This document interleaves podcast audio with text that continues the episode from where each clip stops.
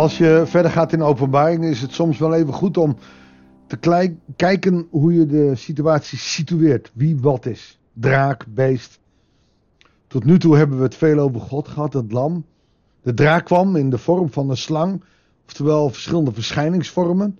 Haal dat niet door elkaar, dat mag je één. Dat zijn verschillende metaforen voor het slechte. In de Bijbel is bijvoorbeeld C, dat is het rijk van de dood.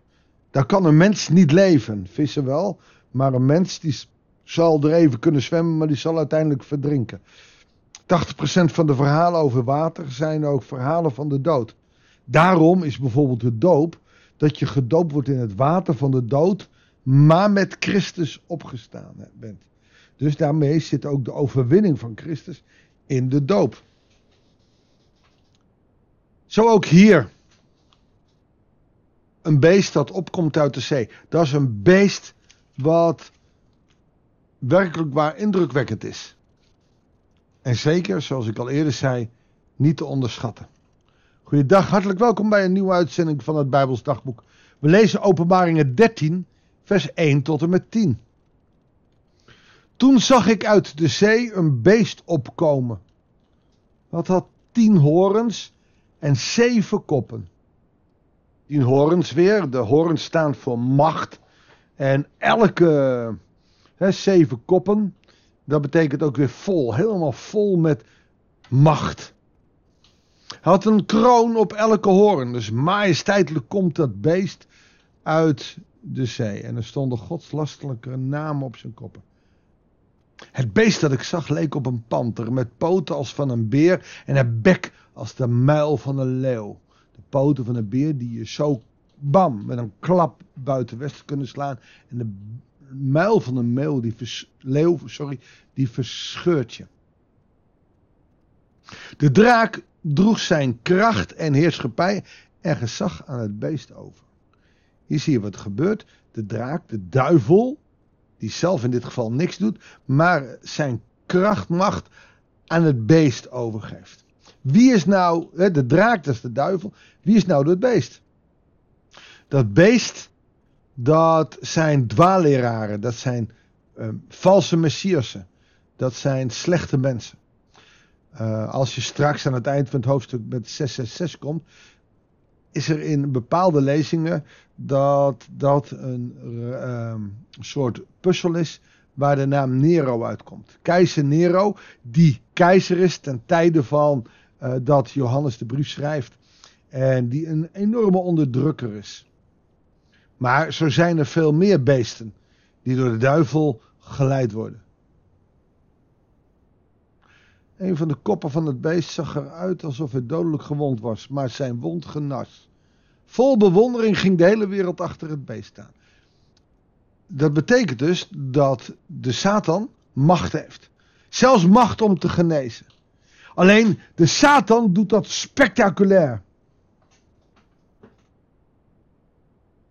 En dat trekt meer mensen aan dan dat je het stilletjes doet. God zelf doet dat niet spectaculair. Als we in uh, Marcus vooral lezen, kennen we het Marcus geheim, dat hij telkens zegt, zeg het maar niet door. Jezus weet maar al te goed dat ze het wel zullen doen, maar geef het maar niet door. Jezus wilde niet als tovenaar bekend staan. In dit geval krijgt het beest heel veel macht en kan genezen. En die doet dat dan, bam, volle map, in your face. Maar daar zitten dus ook valse messia's bij, valse profeten. Alleen, ze hebben die bewondering. Waarom ook in deze tijd? Als je via social media de wonderen laat zien. Um, was het niet een New Reformation? Het gekke is, ik zie er nu haast niks meer van. Even komen ze op, zijn ze geweldig. Dan moeten ze hun excuses maken, want er gaan ook wel dingen mis. Maar dat laten ze nooit zien. En vervolgens, het zal er absoluut nog zijn hoor. Maar op een of andere manier is het dan weer weg. Kerken, soms taai en saai en maar bestaan al jaren. Trekken niet weg. Er is wel een verschil. Maar goed, dat is een wc-paadje. Maar wanneer je populistisch wordt, ook met genezing, wauw, dan trekt dat je duizenden. Iedereen aanbad de draak omdat het beest gezag had gegeven. Dus het beest zegt: Ja, ik heb de macht niet van mezelf, die heb ik van de draak. Oftewel van de duivel. Ook het beest zelf aanbaden ze. Met de woorden: Wie is gelijk aan het beest? Wie kan het tegen hem opnemen? En het beest kreeg de macht om zijn bek te gebruiken voor grootspraak, godslastering. En dat 42 maanden lang. Dat is 3,5 jaar. Ik weet niet precies waar dat halve jaar vandaan komt. Dat kan ik helaas niet meegeven.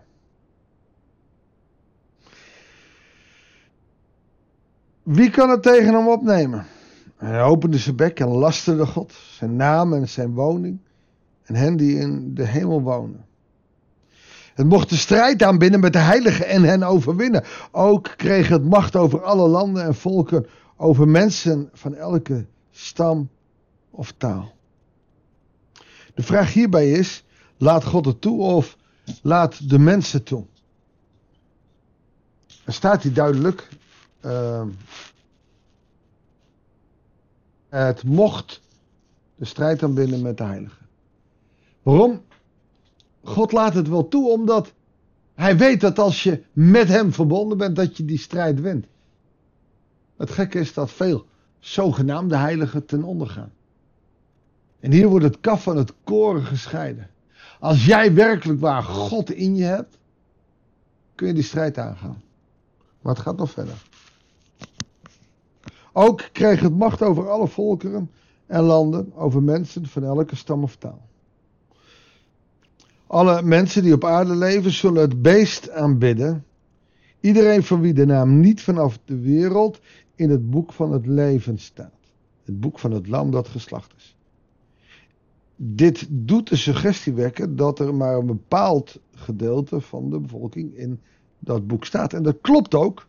Maar niet omdat alleen jouw naam er wel of niet in geschreven is. Op het moment dat jij in hem gelooft, staat jouw naam in het boek van het leven. Vanaf het begin af aan. Vanaf het begin af aan wil God jouw naam opschrijven in het boek van het leven.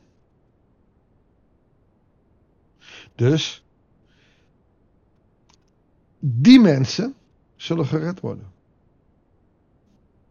Maar niet onder en zonder geen beding. Want wie oren heeft moet horen, oftewel nou komt er wat belangrijks, wie gevangenschap moet verduren, zal in gevangenschap gaan.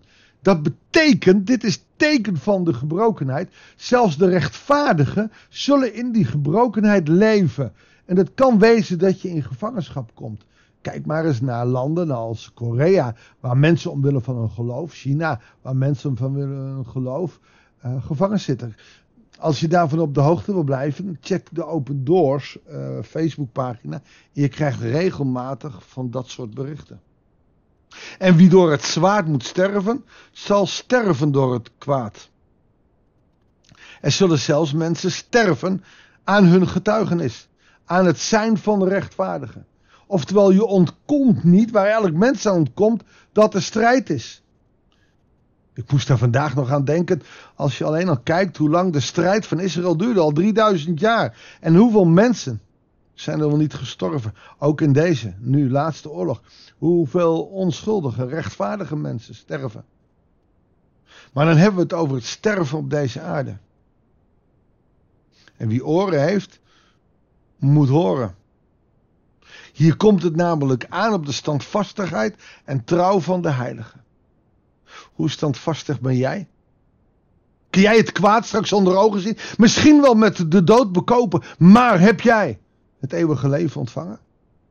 En ik zal je vertellen, als je nou een koord zou hebben van 100 kilometer, een touw, 100 kilometer, van hier tot yesterday, hè, dan is er misschien 2 millimeter, het begin van het touw is jouw leven. Van 0 tot en met 100. En de rest is het leven wat nog volgen gaat. Als je dan in dat perspectief zal zien, dan wil je toch volharden in het geloof. Hoe moeilijk dat ook wordt, maar hij zal bij je zijn. Het is dus niet alleen maar koekenijen en peace.